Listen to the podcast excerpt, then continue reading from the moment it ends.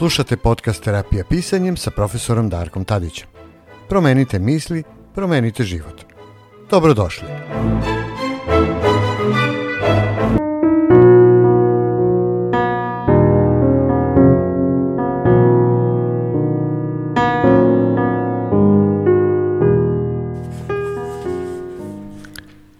Umetnost ima tu divnu moć da pomaže ljudima da razumeju sami sebe, jedni druge i sobstveni svet. Da bolje spoznaju dubine svog bića, da omoguće sebi da rastu i pronađu smisao života. Umetnost, kreativna upotreba mašte je magičan kvalitet koji nas razlikuje od drugih živih bića na ovoj planeti. Kreativnost i proces učenja može duboko da utiče na našu sobstvenost i naš pogled na svet, zato što dostiže iskustvo, istraživanjem i izražavanjem umjesto instrukciju. Einstein je svojevremeno rekao, znanje je ograničeno, a mašta obuhvata ceo svet.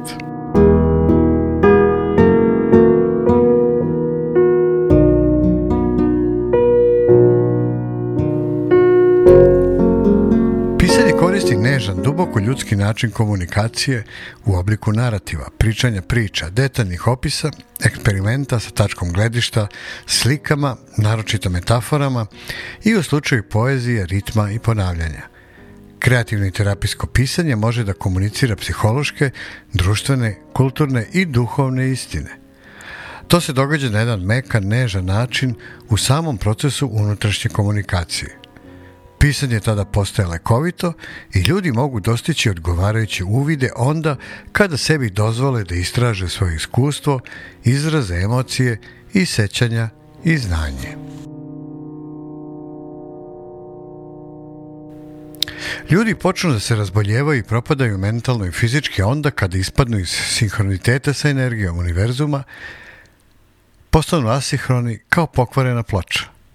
I često to uopšte ne primete. Ili primete kad već bude kasno, a šteta nepopravljiva. Nekada je ovaj asihronitet prouzrokovan spoljnim faktorima kao što su bolesti, virusi, bakterije, fizičke trauma, proces starenja organizma ili neki genetski defekt, a najčešće mentalnim kvarovima usled nerazumevanja zakona univerzuma i njegovog gledala u moralu, normama, pravilima i organizacijama ljudskog života, pa i ljudskom prirodom. I ne mogu da kažu da nisu znali, jer su večni zakoni prirode i ljudskog vitisanja generacijama prenose u obliku mudrosti i opšte poznatih i proverljivih istina kroz nauku, kulturu, umetnost.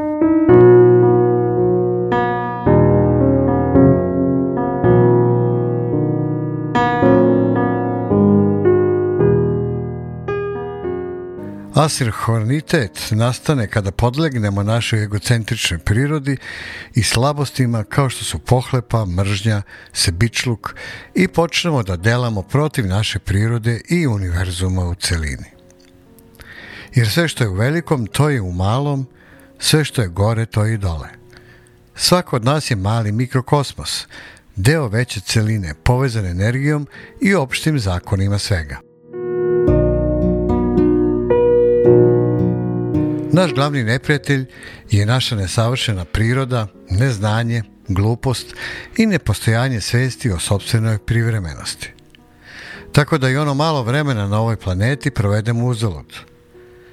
Jedini pravi lek protiv ovakvog stanja je kreativni rad, znanje i stvaralo što u svim oblicima i na svim poljima ljudske egzistencije.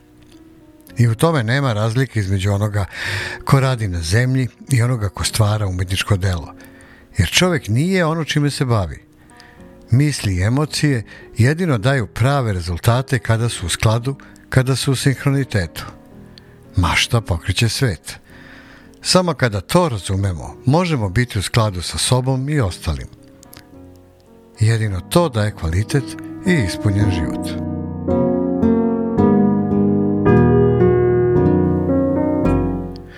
U radionicama terapijskog pisanja često sećam ljude koji tvrde da su odrasli, zreli.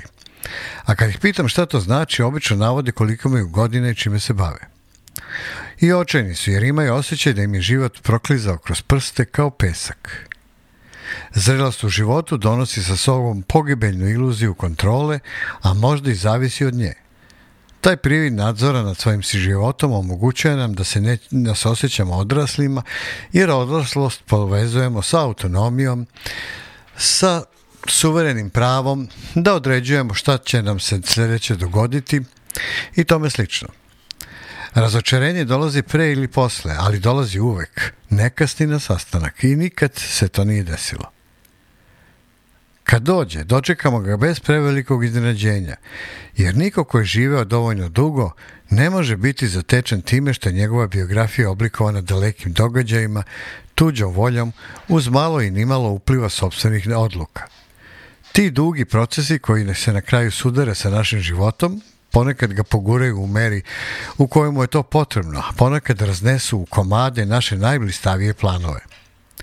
Obično su skriveni kao podvodne struje, kao sićušni pomaci tektonskih ploča i kad se napokon, napokon dogodi potres, prizivamo reči koje smo naučili da se umirimo. Nesreća, slučajnost, ponekad sudbina. Zato je važno da širom otvorenih očiju osluškujemo univerzum i naše mesto u njemu. Tamo su sve poruke koje nam trebaju i da shvatimo gde smo tu mi.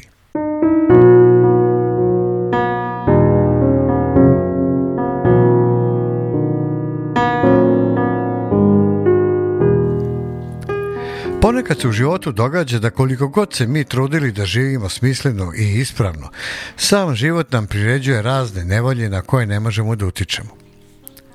U takvim trenucima korisno je da odustanemo od želje za kontrolom i pustimo da se stvari događaju same od sebe. Uporno insistiranje da se supostavljamo u tom trenutku bujici koja je jača od nas donosi nam samo još veće nevolje. Postoji jedna stara izreka koja kaže – Ne možeš zaustaviti vetar da duva, ali možeš da podesiš jedra. Nju sam namerno izdvojio i uvek je izdvajam kada god govorim o ovoj tematici. Ona odlično ilustruje ovakve životne trenutke. To naročito važi za ljude koji su skloni negativnim obrazcima mišljenja, kao što je, na primjer, sve je loše, ljudi su zli, stalno me iskorišćavaju, rade protiv mene i tako dalje. Zato, sve, zato što sve vide negativno oko sebe. Takve osobe zapravo i privlače negativne ljudi i pojave da im se dešavaju u životu. Ovaj zakon privlačenja je treći važan zakon univerzuma i podjednako se odnosi kako na misli, tako i na emocije. Kada se osjećamo loše, nesrećno, ljuto, mi tada šaljemo energetsku poruku svojoj okolini i univerzumu. Ali da bi izmenili ovu situaciju, nije dovoljno da promenimo samo misli, već je potrebno i da promenimo naše osjećanja. Kada postoji nesklad između naših misli i osjećanja, tada se javlja otpor. Ovaj otpor stvara unutrašnji sukob u nama. Na primjer, kada imamo sukob u našoj partnerskoj vezi, moramo prvo da pogledamo unutar sebe i odlučimo šta zapravo želimo. Naši odnosi sa drugim ljudima su zapravo ogledalo našeg unutrašnjeg sukoba. Kada prvo rešimo naše unutrašnje sukobe, tada će drugi ljudi otići ili ostati u našim životima ili će izmeniti svoj stav prema nama.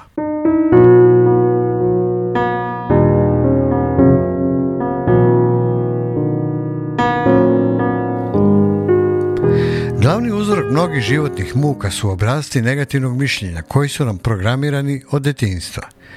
Iz različitih razloga, od kojih su neki nasleđeni, a neki pod uticajem sredine u kojoj živimo i odrastamo, ovi obrazci nesumnjivo diktiraju naše misli, emocije i ponašanje i postoji naši programi, ili algoritmi, kako se to moderno kaže. Kako možemo da prevaziđemo negativne programe uz pomoć terapijskih tehnika pisanja? Jedan od dobrih načina je da uz pomoć terapijskog pisanja ostvarimo unutrašnju komunikaciju sa samim sobom. Na taj način se u sadašnjosti suočavamo sa mnogim duboko podsvesnim stvarima koje mogu predstavljati pravo iznenađenje za svakog koji se na ovaj način suočava sam sa sobom.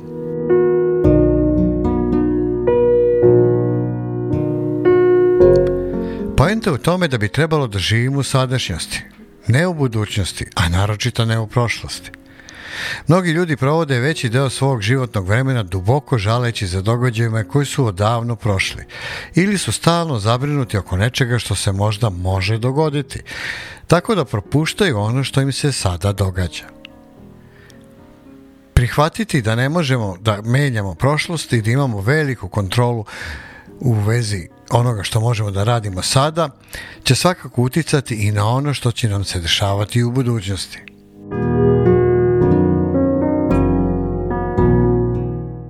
Pisci su od uvek znali za duboko lekovitu moć pisanja, još od grčke pesnikinje Safo. I tajnu su dugo čuvali sve do skora.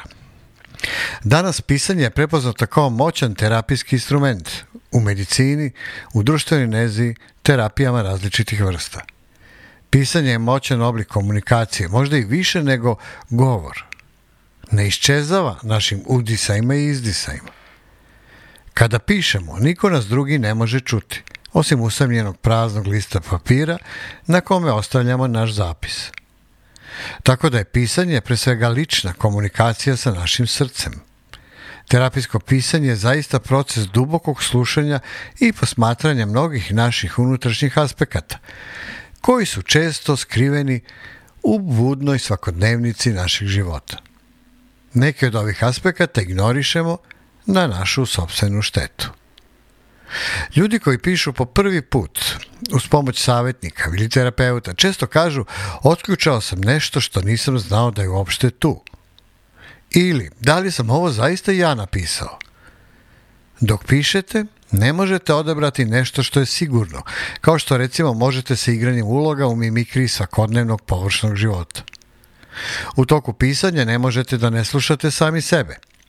Pisanje vas vodi van ove svesne kontrole. Papir ne može da vas procenjuje, prosuđuje, osuđuje.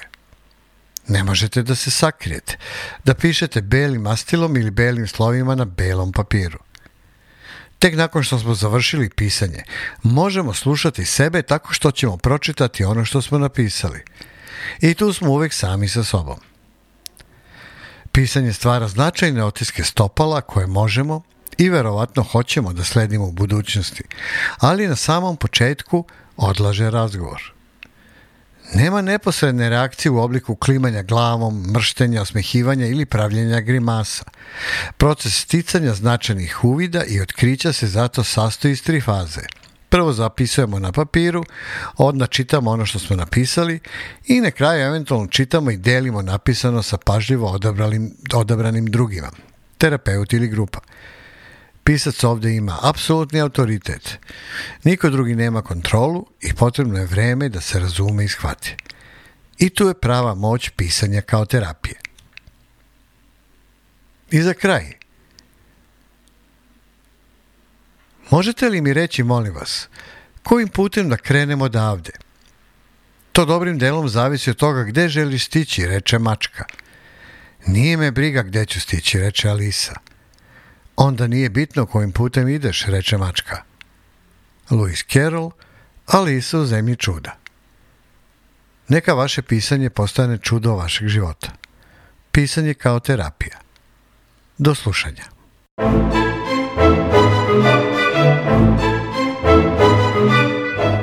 Slušali ste podcast Terapija pisanje profesora Darka Tadića.